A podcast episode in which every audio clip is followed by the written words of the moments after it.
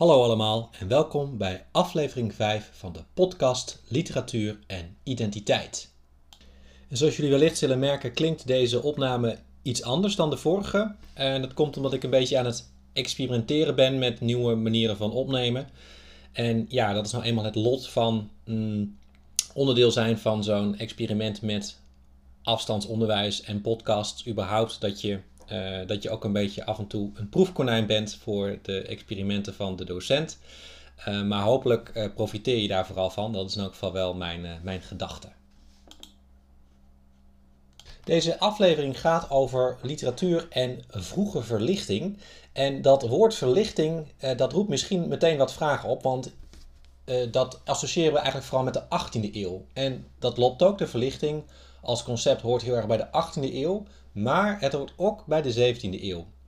Dat is althans wat ik uh, hoop te laten zien aan jullie in deze aflevering. Tot nu toe hebben we in deze cursus vooral aandacht besteed aan de periode tot circa 1670. En dat jaar, uh, dat wordt ook vaak wel gezien als een césuur.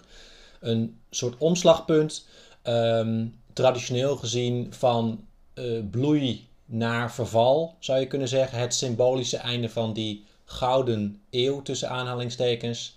Waarbij bijvoorbeeld ook het, uh, het rampjaar 1672 vaak uh, als specifiek uh, jaartal nog wordt genoemd, dus net iets later dan 1670.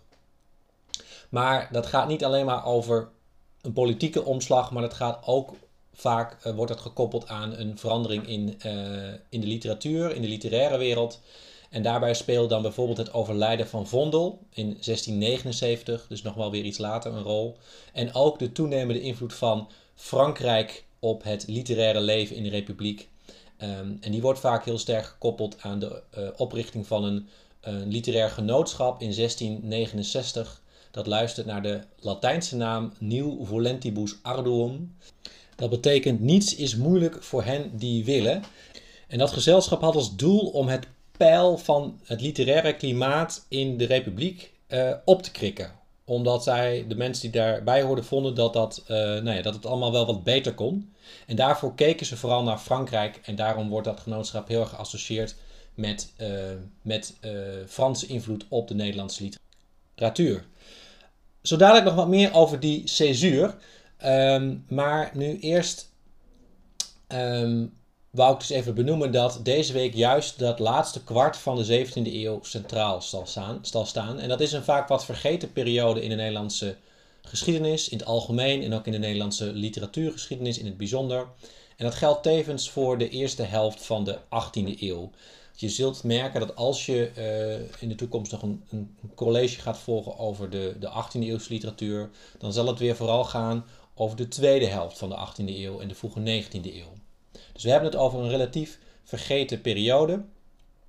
En zowel in de podcast als in het uh, werkcollege, tutorial van komende donderdag, zal daarbij de thematische focus liggen op um, uh, de combinatie van aan de ene kant geleerdheid slash filosofie en aan de andere kant pornografie. En dan de relatie daartussen. En dat is natuurlijk een nogal vreemde combinatie, zo op het eerste oog. Maar na het beluisteren van dit college snap je hopelijk wat die twee met elkaar te maken hebben. Maar eerst nog even terug naar die vraag over die césuur van 1670. En dan vooral uh, de omslag van bloei naar verval. En dan mag je naar de uh, volgende slide nummer 2 mag je doorklikken. Dat woordje verval heb ik hier bewust al tussen aanhalingstekens gezet, omdat ik denk dat het belangrijk is dat je realiseert dat dat een nogal um, ideologisch geladen term is. Dat op het moment dat je spreekt van verval, dan heb je het over iets negatiefs. Um, en dat, dat, dat functioneert ook heel erg in contrast met bloei. Dus het past heel erg in, het, nou ja, in de manier van kijken naar de geschiedenis, waarbij er bloeiperiodes zijn en periodes van verval. En traditioneel is dat dan voor de Nederlandse geschiedenis en ook voor de literatuurgeschiedenis, is dat dus heel erg dat, uh, dat beeld van ja, we hadden een gouden eeuw en toen kwam er verval. En daarom is dat dus op zichzelf al een problematische term. Maar los daarvan kunnen we ons ook de vraag stellen van, ja, wat was die omslag, was er inderdaad een hele sterke omslag in 1670? En het antwoord op die vraag is dubbelzinnig, want dat geldt op sommige gebieden zeker wel en op andere gebieden een stuk minder.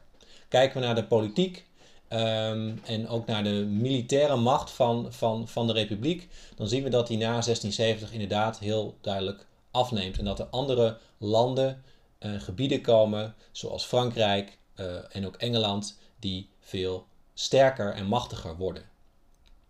Het klopt ook als we het hebben over de, de zelfbewustheid van schrijvers, dichters um, en ook wel andere kunstenaars. Um, we zien dat in de eerste helft van de 17e eeuw um, uh, onder andere ook dankzij Vondel er wel erg een beeld bestaat van, van de Nederlandse literaire cultuur als iets heel hoogstaands. Uh, iets waar we heel erg trots op mogen zijn. En dat is ook echt een beeld wat in de eigen tijd functioneert. Niet alleen wat er achteraf is opgeplakt.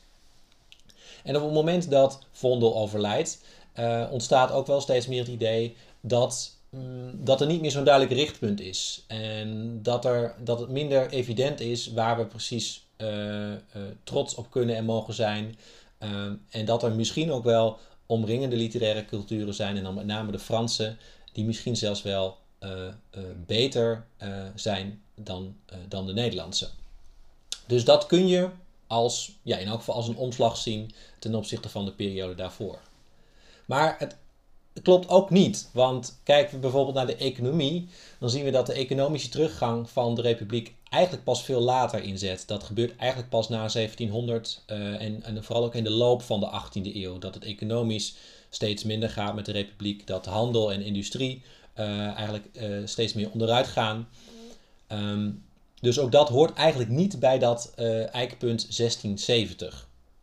En tot slot, intellectueel gezien klopt het Sowieso niet, klopt het eigenlijk nog het minst, omdat uh, nog zeker tot aan circa 1730 de republiek heel erg toonaangevend blijft en juist nog een heel erg een intellectueel centrum blijft van Europa. En dat heeft uh, ten eerste te maken met wat ik in het eerste college de, de, de, de functie van de republiek en met name Amsterdam als boekhandel van Europa of boekhandel van de wereld heb genoemd. Hè? Dat idee van Le Magasin de l'Univers dat omdat de censuur in de Republiek relatief beperkt was, uh, heel veel schrijvers en ook veel intellectuelen hun werken lieten drukken in de Republiek. En dat blijft dus nog doorgaan tot, tot 1730. Daarnaast was, en ook samenhangend daarmee, was de Republiek ook tot datzelfde punt, tot datzelfde jaar nog heel duidelijk een, een plaats van levendig intellectueel debat. Uh, en dat debat werd onder meer gevoerd in, uh, in geleerden tijdschriften, zoals dat dan wordt genoemd. En een van de bekendste en beroemdste daarvan, dat is de Boekzaal van Europa van Pieter Rabus, een Rotterdamse schrijver. En dat, zijn hele, dat waren hele toonaangevende media in die tijd, die dus ook ne deels Nederlandstalig waren en sowieso grotendeels in Nederland, in de Republiek, gedrukt werden, circuleerden. Um, en daardoor was ook dat debat zelf, dat intellectuele debat, werd ook in belangrijke mate in de Republiek gevoerd. Nou, tot slot zien we dan ook nog dat juist in de late 17e eeuw uh, de Republiek een verzamelplaats wordt van intellectuele vluchtelingen uit Frankrijk, de zogenaamde Hugenoten.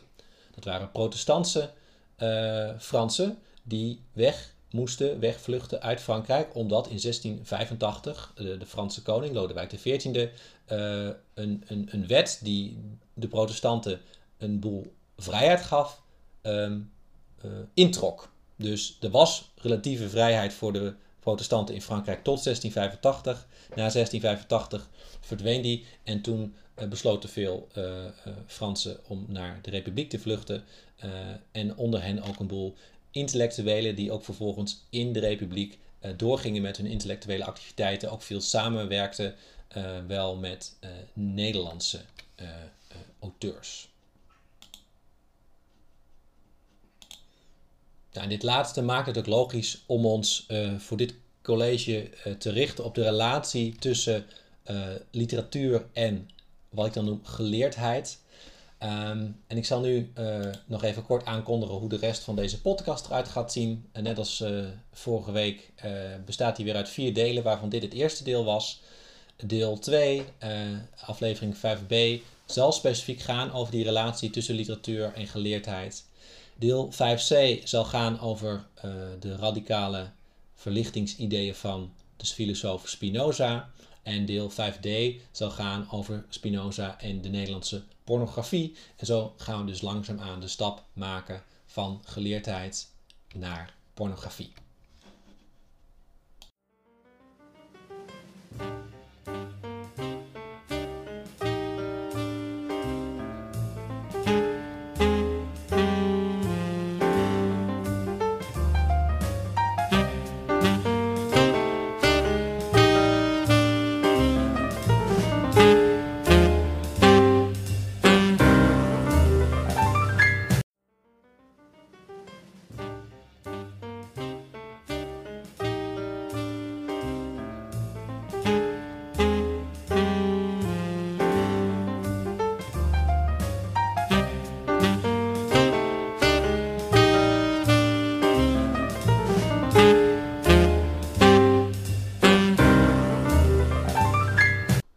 Hoofdstuk zal het gaan over de relatie tussen literatuur en geleerdheid. En daarvoor mag je doorklikken naar slide nummer 4.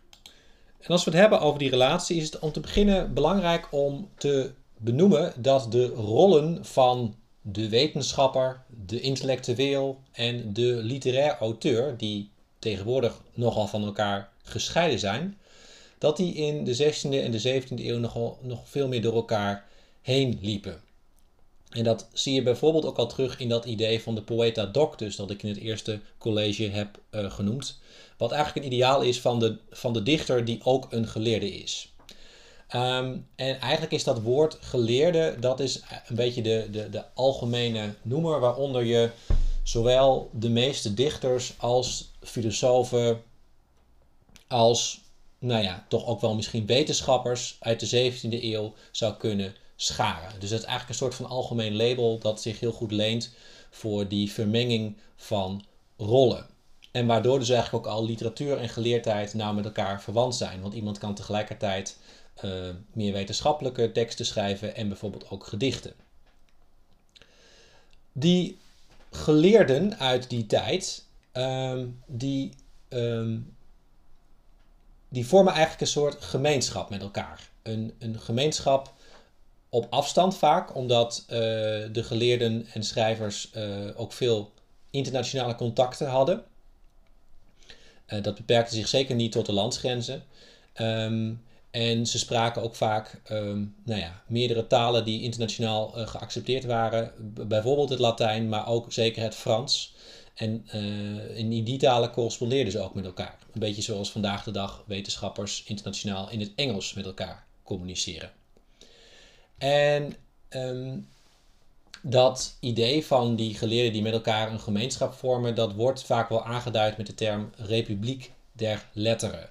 En dat is dus geen echt bestaande republiek, uh, geen fysieke republiek, maar een virtuele republiek van eh, onderling met elkaar in contact staande geleerden in Europa. Um, en dat woord letter, uh, letteren heeft daarbij eigenlijk een dubbele betekenis. Um, want je kunt dat associëren met geletterdheid, met het feit dat het uh, geleerde mensen zijn die veel boeken hebben gelezen, uh, vaak ook hebben geschreven. Maar het is ook te lezen als, um, nou ja, uh, in de Engelse betekenis van het woord letter, oftewel brief, omdat die geleerden ook vooral met elkaar in contact stonden via brieven. Er zijn, en daar weten we ook veel van, want veel van die brieven zijn bewaard gebleven. En daar is inmiddels ook al heel veel onderzoek naar gedaan, naar eigenlijk ja, correspondentie netwerken tussen geleerden in Europa, waaruit ook blijkt dat er een, nou ja, dat er een heel hecht uh, verband was tussen heel veel uh, mensen en dat er ook allerlei nou ja, uh, verschillende relaties waren binnen die republiek met bepaalde mensen die heel erg centraal stonden in dat, in dat correspondentienetwerk en andere mensen die daar wat meer, wat meer aan de zijlijn stonden. En binnen die Republiek der Letteren zou je kunnen zeggen, draait het zowel om kennisvergaring als om de productie van allerlei soorten teksten, waaronder ook gedichten en andere literaire genres. En als we nou nog wat beter willen begrijpen hoe die twee dingen, dat kennisvergaren en dat produceren van uh, bijvoorbeeld gedichten, hoe dat dan met elkaar samenhangt, dan zijn er eigenlijk twee concepten die ons daarbij goed kunnen helpen. En het eerste concept is het concept History of Knowledge. En het tweede is het concept verlichting. En op slide nummer 5 ga ik als eerste in op dat begrip History of Knowledge. Ehm, oftewel in het Nederlands kennisgeschiedenis. En dat gaat eigenlijk over ehm, een, een, een tak van de wetenschap, van de huidige wetenschap, uh, de geschiedwetenschap, die zich bezighoudt met, uh, met de productie van kennis. En traditioneel gezien werd dat altijd heel erg toegespitst op ja, de geschiedenis van de moderne wetenschappen, dus de natuurkunde, de scheikunde en dat soort dingen. En daarbij was de 17e eeuw een hele belangrijke periode, want dat was de periode van de zogenaamde wetenschappelijke revolutie. Uh, uh, en dat begon ook eigenlijk al iets eerder in de 16e eeuw, maar nou ja, de tijd van zeg maar Copernicus, Galilei, van uh, beroemde uh, wetenschappers die, die, die grote innovaties deden in de wetenschap. Um, en kennisgeschiedenis was dus heel lang eigenlijk uh, vooral de geschiedenis van hoe, hoe, hoe, hoe werden de, uh, de moderne natuurwetenschappen uiteindelijk ja, geboren? Hoe, hoe, kwamen die tot stand? Maar inmiddels uh, wordt dat, dat perspectief binnen de wetenschap, binnen de huidige geschiedwetenschap, gezien als, als een beetje achterhaald. Um, en dat is met name omdat men tot het inzicht is gekomen dat, dat als je op die manier gaat kijken naar de geschiedenis van wetenschap, dat je dan nogal teleologisch bezig bent. En ik kan me goed voorstellen dat je zegt dat woord teleologisch, dat, dat ken ik niet. Ik snap niet wat dat betekent. Maar dat ga ik dus nu uitleggen. Teleologisch denken is, uh, staat eigenlijk voor uh, een, een, een, manier van denken waarbij je uh, ervan uitgaat dat, het, dat er van tevoren al een duidelijk einddoel is waar iets naartoe werkt. Dus op het moment dat je de wetenschapsgeschiedenis gaat schrijven vanuit de moderne natuurwetenschappen, dan ga je er eigenlijk van uit dat het altijd al um, heeft vastgestaan dat het zo moest eindigen. We moesten wel eindigen met die moderne natuurwetenschappen zoals ze nu zijn. Uh, en dan ga je dus eigenlijk ook alles wat eraan vooraf gaat, ga je heel erg uitleggen als een opmaat daar naartoe. Dus dan zijn bepaalde uh, denkers, uh, filosofen in de 16e, 17e eeuw, die zijn heel erg de wegbereiders van de moderne natuurwetenschap. In werkelijkheid was het natuurlijk helemaal niet zo dat op het moment dat die figuren in de 16e en de 17e eeuw bezig waren met hun werk, met nadenken, met misschien wel experimenten doen, dat zij toen al het idee hadden van uh, wij gaan nu eens eventjes de moderne natuurwetenschap uitvinden. En daarom, um, nou ja, om, om eigenlijk recht te doen aan dat idee, aan het feit dat de manier waarop uh, er op een bepaald moment in de geschiedenis kennis wordt geproduceerd, dat dat niet per se een voorafschaduwing is van iets wat er later gebeurt, omdat nou ja, hoe de geschiedenis zich ontwikkelt gewoon ook afhankelijk is van allerlei factoren. Um, en dus ook allerlei nou ja, sociale factoren, politieke factoren, die bijvoorbeeld bepalen dat wat wij vandaag de dag als wetenschap zien iets heel anders is dan wat het in de 17e eeuw betekent. Om daar meer recht aan te doen, uh, wordt er tegenwoordig veel meer gedacht vanuit het perspectief van de history of knowledge, oftewel kennisgeschiedenis.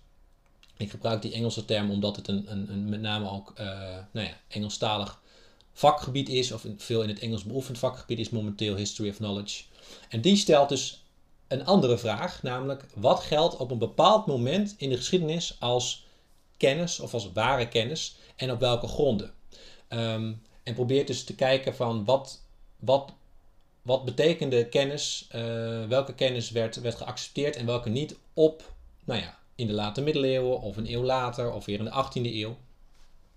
En dat is dus een heel ander perspectief dat veel minder vastzit aan dat teleologische denken. Um, wat ook heel erg hoort bij, die, uh, bij dat perspectief van de history of knowledge, is dat er een veel sterker oog is gekomen voor de rol van artistieke uitingen als bron van kennis. Um, Waarbij het idee dus is dat bijvoorbeeld een literaire tekst, een gedicht of een toneelstuk, of bijvoorbeeld een schilderij of een prent, uh, dat dat niet alleen een reflectie is van een bepaalde kennispraktijk, maar dat het ook zelf een vorm van kennis is. Uh, omdat je in een kunstwerk ook een bepaalde, bepaalde kennis kunt, uh, concreet kunt vormgeven. dat, dat kunst een middel kan zijn om zaken te conceptualiseren. En dat het dus niet een, soort reflectie is van iets wat er al was. Van er was een bepaalde manier van denken over bijvoorbeeld de natuur. En vervolgens uh, is een gedicht daar een afgeleid product van. Nee, het gedicht zelf geeft mede vorm aan die kennis.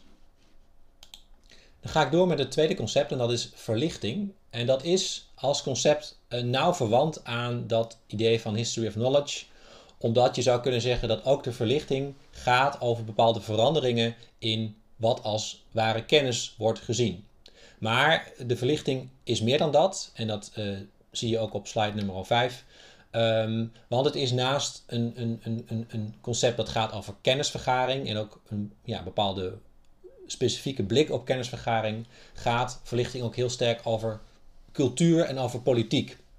Want het is ook heel sterk verbonden met ideeën over de emancipatie van het individu, uh, het individuele verstand, maar ook het individu als, als, als politieke entiteit, uh, de burger die meer macht zou moeten krijgen. Um, uh, dus, dus, dus dat is een duidelijk verschil. Um, en verlichting is daarnaast ook in de eerste plaats een historisch begrip. Um, History of Knowledge is heel duidelijk een, een hedendaags perspectief uh, dat bedoeld is om het verleden en, en, de omgang met kennis in het verleden beter te begrijpen. Verlichting is een aanduiding die al, nou ja, in elk geval al in de 18e eeuw al bestond, al opkwam.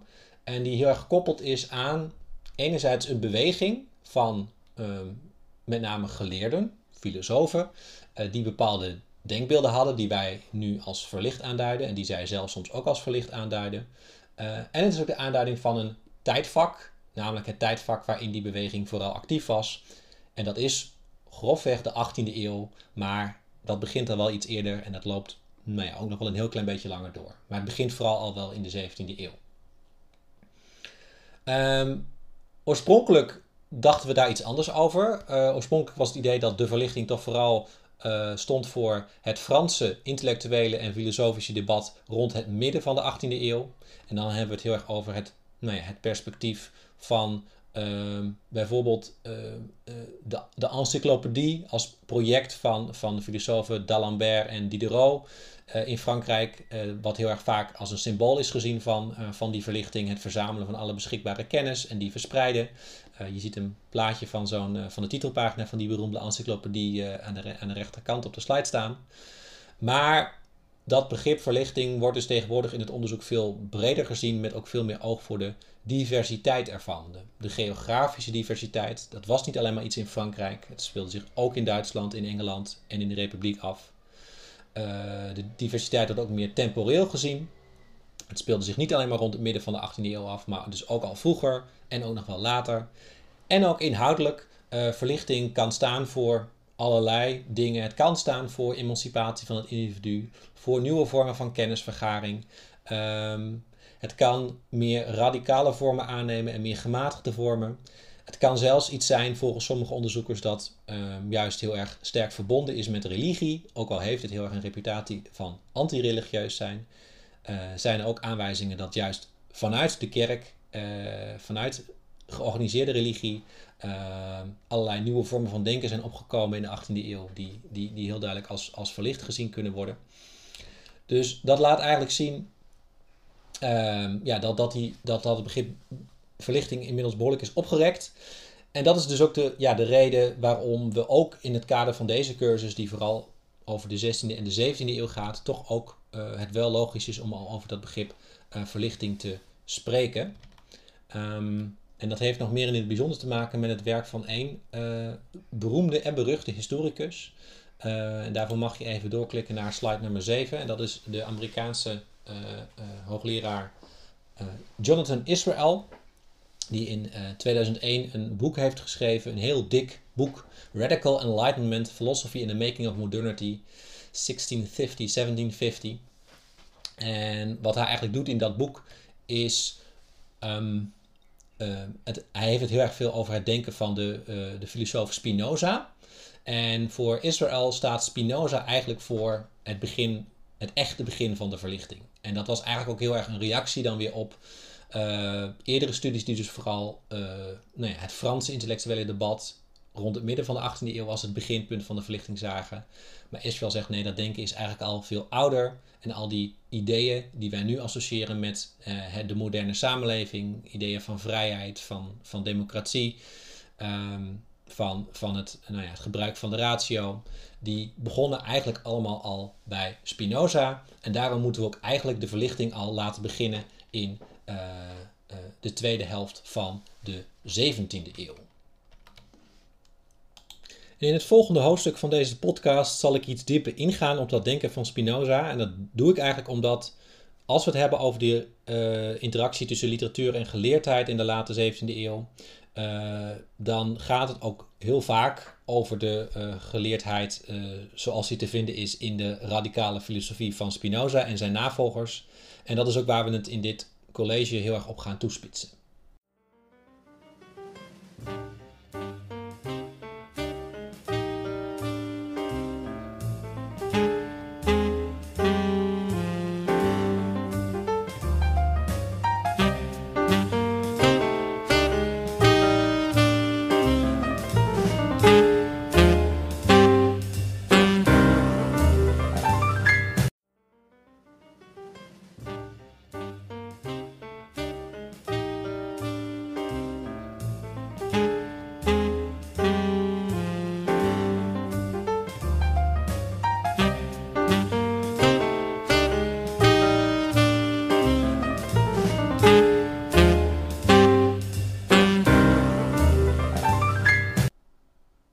In dit hoofdstuk ga ik jullie wat vertellen over het denken van de uh, filosoof Baruch de Spinoza. En daarbij moet ik een kleine disclaimer uh, geven, want het denken van Spinoza is nogal ingewikkeld. En ik ben zelf geen filosoof van huis uit. Dus ik uh, pretendeer niet dat ik in staat ben om dat denken volledig te begrijpen zelfs. Laat staan dat ik in staat zou zijn om dat ook nog eens weer aan jullie tot in de puntjes uit te leggen.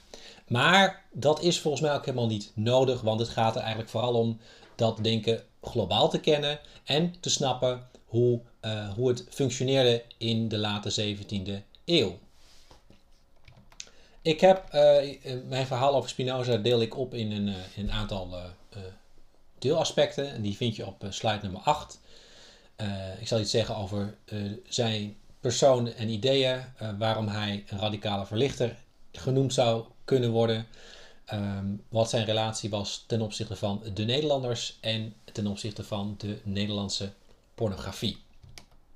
Um, om te beginnen bij dat eerste, en, en daarbij kun je ook weer doorklikken naar een volgende slide. Spinoza was een Portugese Jood uit Amsterdam. Um, er was een redelijk grote Portugees-Joodse gemeenschap in uh, Amsterdam in de 17e eeuw. Dat waren de zogenaamde Sephardische Joden. En, en daar was Spinoza deel van tot zijn 23ste, want daarna werd hij uit die Joodse gemeenschap uh, verbannen vanwege zijn radicale theologische ideeën. Uh, Spinoza uh, schreef namelijk allerlei meer theologische en filosofische geschriften.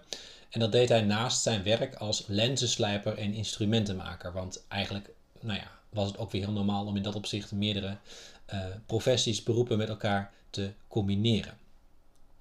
Dus het is een Jood, maar ook weer niet, want hij werd juist uit de Joodse gemeenschap uh, uh, verbannen.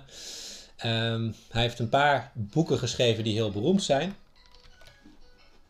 En de bekendste zijn de Tractatus Theologico Politicus en de Ethica. En eigenlijk is dat laatste boek dat postuum is uitgegeven, dat is eigenlijk, wordt over het algemeen gezien als het belangrijkste.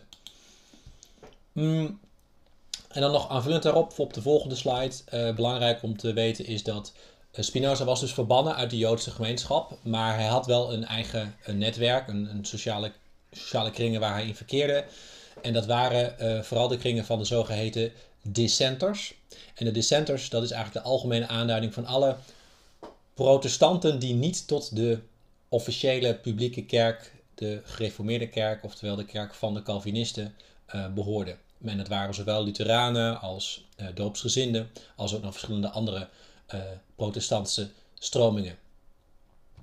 Um, het denken van Spinoza is sterk geïnspireerd door het denken en de ideeën van een andere hele beroemde 17e eeuwse filosoof René Descartes. die trouwens net als Spinoza ook een tijd in de Republiek heeft gewoond. Ehm, maar, en, en Descartes kennen we natuurlijk heel erg van de man die, uh, die heel erg uh, het idee verkondigde dat, dat, dat de ratio het middel was om tot kennis te komen. Ik denk, dus ik ben. Um, maar Descartes staat ook, um, staat ook erg bekend om het zogenaamde dualisme. En dat staat voor nou ja, de absolute scheiding van lichaam en geest, waar Descartes van uitging. Um, hij dacht eigenlijk dat, ja, dat dat twee verschillende dingen waren, waarbij de geest boven het lichaam stond en de geest uiteindelijk ook idealiter het lichaam zou moeten aansturen. En daar gaat Spinoza tegen in, want voor Spinoza bestaat er eigenlijk maar één oneindige substantie, zoals hij dat noemt. Um, en die, uh, die oneindige substantie, die noemt hij Deus sive natura. Um, en dat betekent uh, min of meer uh, God of natuur. Dus God is in dat geval niet een persoon of een persoonachtige figuur, maar is overal en zit in alles, zit in de natuur. Die dus zowel uh, fysiek als niet fysiek is, zowel lichaam als geest. zo zou je dat kunnen zien. Ehm, en daar komt uiteindelijk alles vandaan. En, en, het lichaam en de geest zijn er eigenlijk alleen maar afgeleide producten van. Dat is hoe Spinoza dat ziet. Um, en dat denken, dat is zeker op dat moment erg radicaal. Um, en wat maakt het dan precies radicaal? Daar zeg ik iets over op de volgende slide, slide nummer 11. Um, om te beginnen, het feit dat Spinoza weliswaar nog wel gelooft in God. Hij is dus geen atheïst. Maar, niet in een, maar dat hij gelooft in een onpersoonlijke God. Een God die niet een concrete entiteit is, maar die overal aanwezig is in alles. Um, en die dus een hele andere gedaante heeft dan de, de traditionele gedaante van God binnen het christendom. maar daarnaast zijn er ook nog een aantal andere uh, nou ja, ideeën die, die Spinoza verkondigde, die controversieel zijn in die tijd. Um, hij ontkent het bestaan van een onsterfelijke ziel, waar het christendom ook van uitgaat. Hè? Als je sterft, dan gaat je lichaam, uh, dat gaat dood, maar je ziel die blijft verder leven en die komt terecht in de hemel of in de hel. Wat Spinoza ook uh, verwerpt is het bestaan van de zogeheten goddelijke voorzienigheid. En dat is het idee dat God alles bepaalt, dat God de loop van de geschiedenis bepaalt. Um, waar ook in die tijd heel erg iedereen van uitging. En tot slot is er radicaal aan de filosofie van Spinoza dat hij de Bijbel ziet als een historisch document, als een, een, een verzameling teksten die op een bepaalde manier ontstaan is ooit en zich ontwikkeld heeft. Uh, en niet als het heilige woord van God waar niet aan te tornen valt. zowel tijdens zijn eigen leven als daarna had Spinoza diverse volgelingen. Mensen die uh, geïnspireerd waren door zijn, uh, door zijn tekst, die, die dat interessant vonden, die daarop op verder door dachten. En dat waren uh, in de eerste plaats geleerde mensen, want Spinoza schreef alleen maar in het Latijn. Dus hij kon ook alleen maar gelezen worden door geleerden. Um, en die navolgelingen van Spinoza, die worden ook wel Spinozisten genoemd. Um, dus daarmee ja, is zijn, zijn denken eigenlijk ook, uh, ook, ook meteen verworden tot een, ja, tot een filosofische stroming, zou je kunnen zeggen. Um, en spreekt men ook wel van het Spinozisme. En dat Spinozisme werd misschien nog wel meer dan, dan de persoon Spinoza zelf als een enorme bedreiging gezien door de gevestigde orde uh, op dat moment in de Republiek en ook in andere Europese landen. Um, het werd gezien als, als, als, als, als subversief, ondermijnend um, en daarom ook als iets wat met wortel en tak moest worden uitgeroeid. En dat had natuurlijk iets te maken met die ideeën van Spinoza, maar wel vooral ook met de versimpelde versie van die ideeën zoals die was terechtgekomen bij die uh, bestuurders, bij de overheid, bij die autoriteiten. Um, en dat beeld kun je eigenlijk heel erg terugbrengen tot, nou ja, tot een paar uh, stenen des aanstoots. En die heb ik op slide 12 opgesomd. Um, ten eerste werd het Spinozisme gezien als een ontkenning van de christelijke leer. En dus als een vorm van atheïsme, hoewel het dat dus uh, strikt gezien niet was. Spinoza ontkent niet het bestaan van God, maar de autoriteiten zien het wel als, een, ehm, ja, als iets wat, wat de wortels van het christendom raakt, omdat hij natuurlijk wel die goddelijke voorzienigheid en, en die heiligheid van de Bijbel aan het ontkennen is. Dus Spinozisme staat voor ontkenning van de christelijke leer, staat voor atheïsme. Spinozisme staat ook volgens de autoriteiten voor ontkenning van het onstoffelijke, van het bestaan van een geest of een ziel. En dat wordt dan weer vertaald naar, ehm, naar het idee dat, dat Spinoza en het Spinozisme zou staan voor materialisme, voor het idee dat alles op, in ons bestaan wordt bepaald door materiële dingen. Uh, door ons lichaam, hoe lichamen op elkaar reageren, hoe uh, fysieke processen in de natuur op elkaar reageren. Uh, en dat er dus überhaupt geen geest of ziel zou zijn.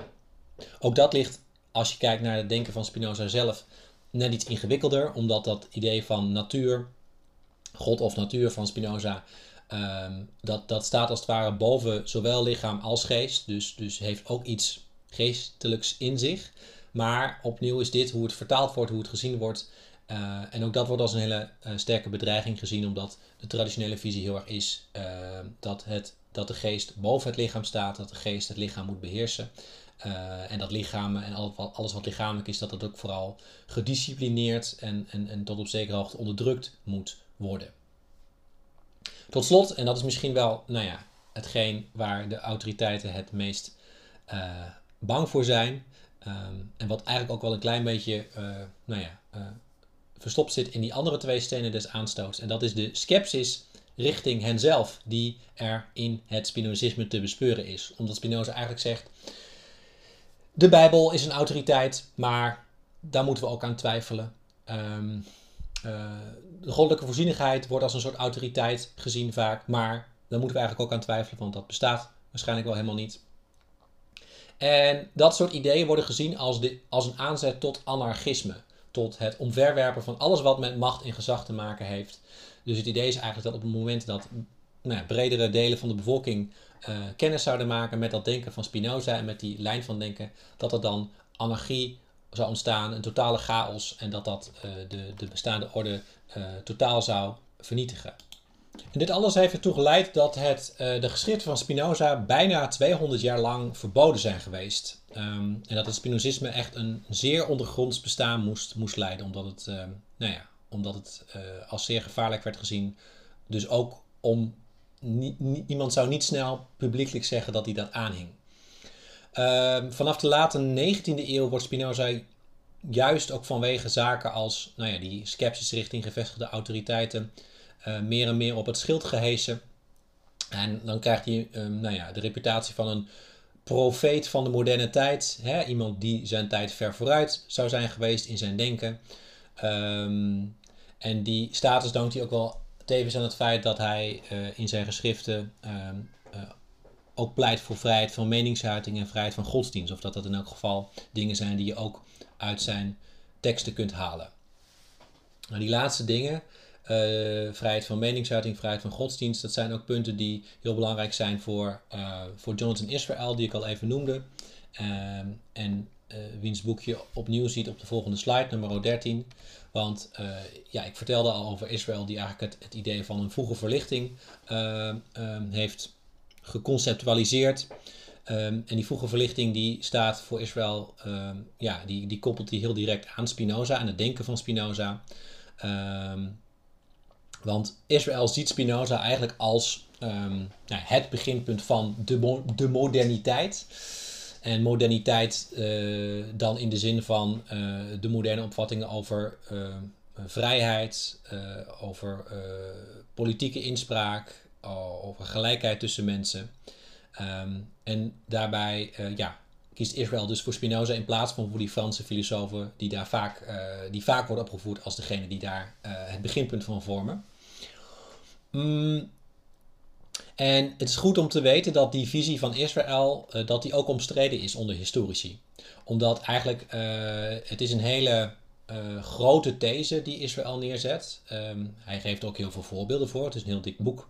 Maar eigenlijk leidt hij wel alles terug tot die ene figuur, tot Spinoza en tot de ideeën van Spinoza. En zegt hij eigenlijk alle, alle dingen die wij nou ja, beschouwen als onderscheidend voor de moderne westerse democratie, die zijn allemaal begonnen bij Spinoza. En de meeste historici zeggen eigenlijk dat is te, ehm, dat is te, te, te, versimpeld. Ehm, dat denken van Spinoza is complexer. En ook hoe die ideeën die wij nu hebben, hoe die tot stand zijn gekomen, dat is ook een veel uh, complexer proces waarbij allerlei andere factoren ook een rol hebben gespeeld. En waarbij niet op de achtergrond voortdurend uh, alleen maar Spinoza de drijvende kracht was. Maar tegelijkertijd heeft dat boek van Israël er wel toe geleid dat er een hernieuwde aandacht voor Spinoza is gekomen, ook onder historici. En met name ook uh, historici van, ehm, nou ja, van intellectuele geschiedenis, van de geschiedenis van het denken. Uh, die ook uh, ja, die, die meer onderzoek zijn gaan doen naar Spinoza en ook hoe het denken van Spinoza in de tijd zelf dan eventueel wel invloed heeft gehad. En dat heeft onder andere ook geleid tot een onderzoek naar Spinoza's invloed op Nederlandse intellectuelen.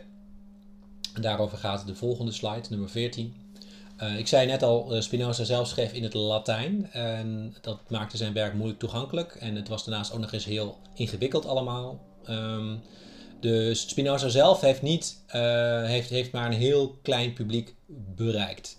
Maar dat kleine publiek, daar zaten wel een aantal Nederlandse sleutelfiguren in van het intellectuele leven. Uh, onder andere bijvoorbeeld iemand als uh, Christian Huygens, uh, de zoon van Constantijn Huygens, die we ook kennen vanwege zijn, nou ja, zijn werk op het gebied van natuurwetenschappelijk onderzoek en de uitvinding van een aantal zaken. Die, die behoorden bijvoorbeeld tot dat netwerk. Maar nog een heleboel andere mensen. En die, um, die hebben eigenlijk ervoor gezorgd dat die ideeën van Spinoza in een bredere kring verspreid raakten, omdat zij wel ook deels in het Nederlands over dat soort ideeën schreven. Mm, en uh, twee figuren zijn daarbij met name van belang, uh, namelijk Adriaan Koerbach, een arts en een jurist uh, uit Amsterdam. sowieso zit dit netwerk ook voor een belangrijk deel in en rond Amsterdam, moet ik erbij zeggen. Um, en Koerbach heeft verschillende teksten geschreven waarin hij eigenlijk zelfs nog verder ging dan Spinoza. Um, want Spinoza was dan misschien een beetje sceptisch over nou ja, de Bijbel, en misschien ook wel een beetje over de kerk. Um, maar Koerbach zei zelfs dat de kerk en de staat dat dat allebei onbetrouwbare instituten waren en dat die daarom verworpen moesten worden. Dus die zat eigenlijk al veel meer in de richting van het anarchisme dan Spinoza zelf. En een andere belangrijke naam als we het hebben over de navolgelingen van Spinoza is Balthasar Becker, een Amsterdamse predikant. Uh, van wie we het uh, boek De Betoverde Wereld kennen uit 1691, waarvan je de titelpagina ziet op de slide. Um, en in dat boek uh, had hij vooral tot doel om bijgeloof te bestrijden. En ook trok hij in het boek het bestaan van de duivel in twijfel. En ook dat werd op dat moment gezien als een radicale en controversiële mening.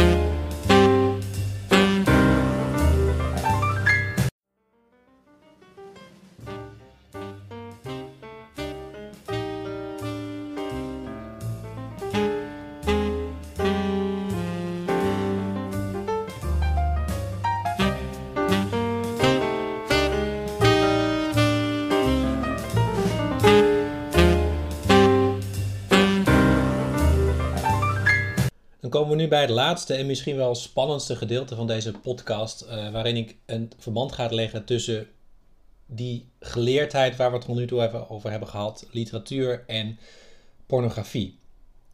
En om misschien meteen al, uh, nou ja, uh, een, een, kleine ehm, teleurstelling te, te, delen. Spinoza zelf heeft, voor zover wij weten, geen pornografische teksten geschreven. Dus uh, zo sappig wordt het niet. Maar toch zal blijken dat via een omweg er wel degelijk een heel duidelijke relatie te leggen valt tussen uh, radicale verlichtingsideeën en pornografische literatuur. Maar om daar te belanden moet ik even een klein uitstapje maken, een klein excurs. Um, en dat gaat over de roman als genre. Uh, dan mag je even doorklikken naar slide nummer 15. Ik heb het kort over dat genre gehad in het eerste hoorcollege, omdat ik toen heb verteld dat de roman in de 16e en de 17e eeuw niet, eigenlijk niet tot de literatuur, tot het literaire veld werd gerekend, omdat dat vooral bestond uit alles wat in dichtvorm werd gepresenteerd. Alles wat verzen had en geen proza dus. Maar deze week komt de roman dan toch om de hoek kijken als genre, want ze waren er wel degelijk. Uh, er werden romans geschreven. En voor ik daar heel kort iets over ga zeggen, uh, wilde ik nog even ingaan op uh, de twee betekenissen van het woord roman. die relevant zijn als we het hebben over dit genre in de literatuurgeschiedenis. De eerste is eigenlijk de, ja, je zou kunnen zeggen, de moderne betekenis, die, nou ja, waar jullie waarschijnlijk zelf ook het eerste aan denken. En namelijk die van narratief fictioneel proza van een zekere lengte. Waarbij dus de elementen, het is verhalend, het is fictie, het is in proza en het heeft een zekere lengte. Uh, uh, waarbij dat de voornaamste criteria zijn. Um, waarbij die laatste nog de meest vage is, want die wordt vooral gebruikt omdat in de moderne tijd er ook uh, wel eens ja, ook een onderscheid wordt gemaakt met bijvoorbeeld de novelle en het korte verhaal. En die zijn dan ook narratief, fictioneel en in proza maar korter. Maar er is ook nog een andere betekenis van het woord roman, namelijk uh, de aanleiding van een middeleeuws verhaal in de volkstaal. Um, en dat komt van het woord uh, romans oorspronkelijk. En die waren juist niet in proza, die werden geschreven in verzen. En dan hebben we dus over de ridderepiek, de dierenepiek, over uh, verhalen als Karel en de Elegast en Van de Vos Reinaarde. Dat worden ook romans genoemd. Um, maar we hebben het hier dus over de roman als narratief fictioneel proza van een zekere lengte. Um, dat was, zoals je op de volgende slide ziet, en zoals ik dus al eerder genoemd heb, net en in een eerder college, dat was nog geen erkend literair genre in die tijd, want het was in proza. Maar het werd al wel sinds de 16e eeuw binnen Europa beoefend.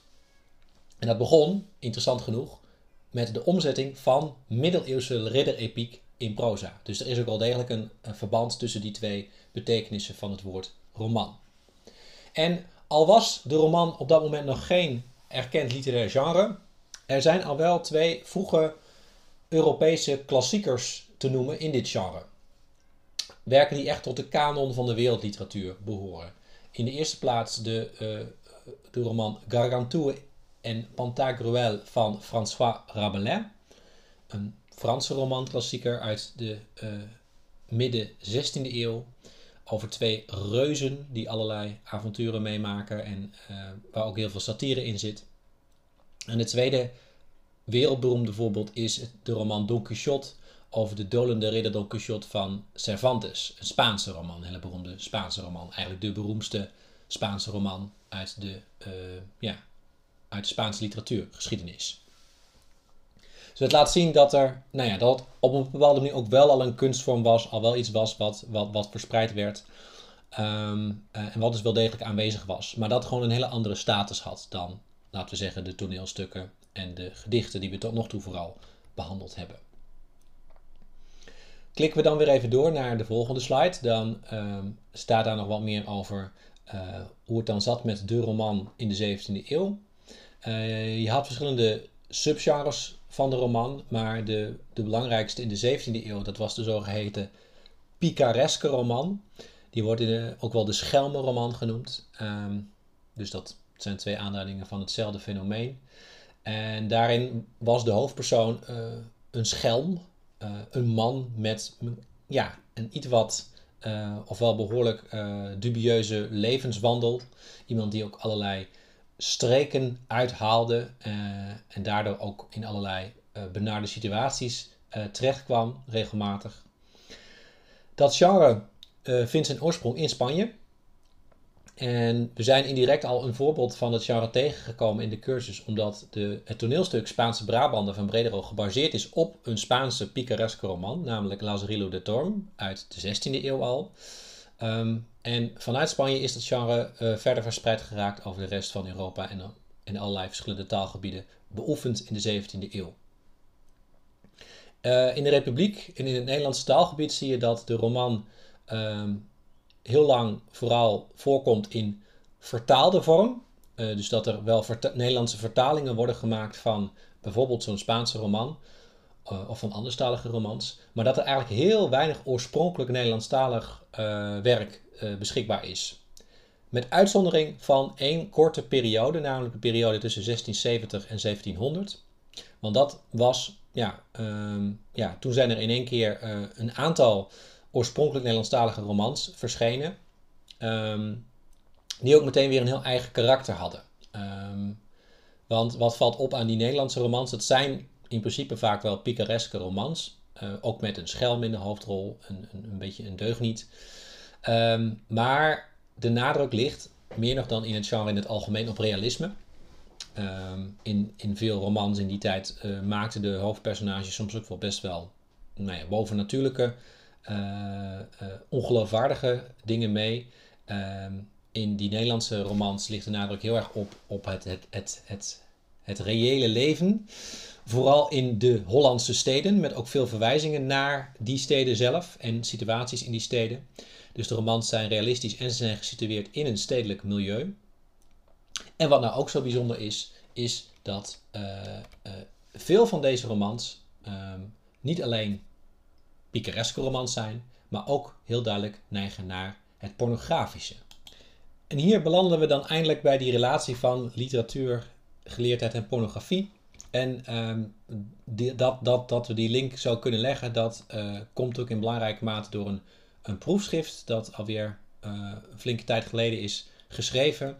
En dat ik op de volgende slide heb geplaatst. Een proefschrift van Inger Leemans, die tegenwoordig hoogleraar uh, cultuurgeschiedenis is aan de Vrije Universiteit in Amsterdam. Promoveerde op het boek Het woord is aan de onderkant. Radicale ideeën in pornografische romans 1670 tot 1700. Um, en daarin bestudeert zij een corpus van tien oorspronkelijk Nederlandstalige romans. Um, ja, zij is ook degene die uh, dan de constatering doet dat dat uitzonderlijk is. Dat er in, in die korte periode van 1670 tot, tot uh, eh, 1700 ineens zoveel oorspronkelijk Nederlandstalige romans verschijnen. Um, en zij uh, komt ook tot de conclusie dat die romans vanwege hun opzet en hun boodschap heel goed met de radicale verlichting in verband gebracht kunnen worden. En dus met dat denken van Spinoza en de navolgelingen van Spinoza. Um, ze leidt het af uit de inhoud van, van die romans, uh, maar ook uit de, uh, de, de, de, vermoedelijke schrijvers en drukkers van de romans.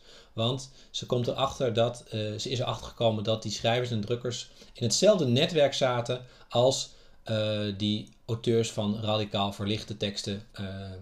dus in een netwerk van figuren als Balthasar Becker, Adriaan Koerbach, Ehm, en ook dat die, roman, die, die auteurs van pornografische romans en de drukkers, dat die in dezelfde periode actief waren als die waarin ook dat, nou ja, dat spinozistische denken uh, binnen de republiek veel beoefend werd en er veel geschriften werden geschreven um, die daarover gingen. Nou, moet je wel weten dat dat verband tussen pornografie en filosofie, geleerdheid, dat dat niet door Inge Leemans is verzonnen. Dat idee bestond eigenlijk al veel langer. En daarvoor kun je doorklikken naar slide nummer 19. Um, ehm, omdat uh, ja, dat idee van, van, van dat verband tussen, tussen die twee, dat werd al uitgewerkt door uh, onder meer de, de Amerikaanse uh, historicus Robert Darnton. Um, um, alleen keek hij dan weer vooral naar de radicale Franse verlichting van het midden van de 18e eeuw. En wat Darnton eigenlijk ontdekte was dat een aantal beroemde Franse pornografische romans uit de 18e eeuw, dat die ongeveer tegelijk verschenen met een aantal beroemde werken van die radicale Franse verlichting. Ehm, en dat die beide boeken, beide type boeken, dus de pornografie en de radicale filosofie, dat die in hetzelfde clandestine, dus verboden circuit functioneerden. Want dat waren namelijk allebei boeken die in Frankrijk op de uh, lijst van verboden boeken stonden. Ehm, de pornografie natuurlijk vooral vanwege de onzedelijkheid, maar de radicale uh, filosofie omdat die ook als gevaarlijk werd gezien voor, nou ja, voor de heersende orde. En vanuit, nou ja, vanuit dat idee dat die twee type boeken in hetzelfde circuit functioneren, is, is Darnton die, die publicaties met elkaar gaan vergelijken en ook op elkaar gaan betrekken. Uh, en kwam hij erachter dat ze heel veel raakvlakken hebben. En dat heel veel filosofische theorieën die op dat moment circuleren, bijvoorbeeld ook over het materialisme, ehm, hè, hoe eigenlijk de materie ook sturend is voor hoe dingen in het leven verlopen. Ehm, en bijvoorbeeld ook over het belang van lichamelijke driften. Het waren allerlei ehm, ideeën die, die in, in die Franse verlichting circuleerden. Dat die juist ook in pornografische romans in de praktijk worden gebracht. en niet alleen in de praktijk worden gebracht, maar vaak ook voorzien worden van een filosofische uitleg. Dus dat de, de, de vele seksscènes in die romans vaak worden opgevoerd als praktijkdemonstraties van dat, nou ja, dat dat lichaam zo belangrijk is en zo bepalend is voor hoe de dingen in het leven lopen. We worden geregeerd door ons lichaam en niet door onze geest, is eigenlijk de moraal van veel van die pornografische romans. En eigenlijk is in het voetspoor van Darnton en ook wel van anderen uh, inmiddels uh, de algemene aanname dat uh, radicale filosofie en pornografie tot aan 1800 heel nauw aan elkaar verwant waren en dat het heel erg door elkaar heen liep. Ehm, en dat dat ook het grote verschil is tussen die pornografie en de moderne pornografie vanaf de 19e eeuw, die veel meer een soort apart domein wordt van de samenleving, puur en alleen gericht op ehm, het, nou ja, het opwekken van de lust bij de lezer. Uh, dat is natuurlijk ook hoe we pornografie nog steeds kennen. Maar daar wordt dus een heel duidelijk onderscheid gemaakt uh, door onderzoekers tussen pornografie tot 1800 en dan met name ook 18e eeuwse en laat 17e eeuwse pornografie um, versus die moderne pornografie. Um, nou, en het is dan Inge Leemans geweest die eigenlijk die these van Darnton heeft, uh, nou ja, heeft overgeplaatst naar die Nederlandse talige pornografische romans van de, 17e eeuw, van de late 17e eeuw. Uh, en eigenlijk beweert dat daarvoor min of meer hetzelfde geldt als voor die Franse romans waar Darnton het over had. Dus dat eigenlijk in die pornografische romans ook uh, ja, uiting wordt gegeven aan filosofische ideeën en met name dus ook spinozistische filosofische ideeën die op dat moment in de Nederlandse samenleving, in de Republiek, circuleerden.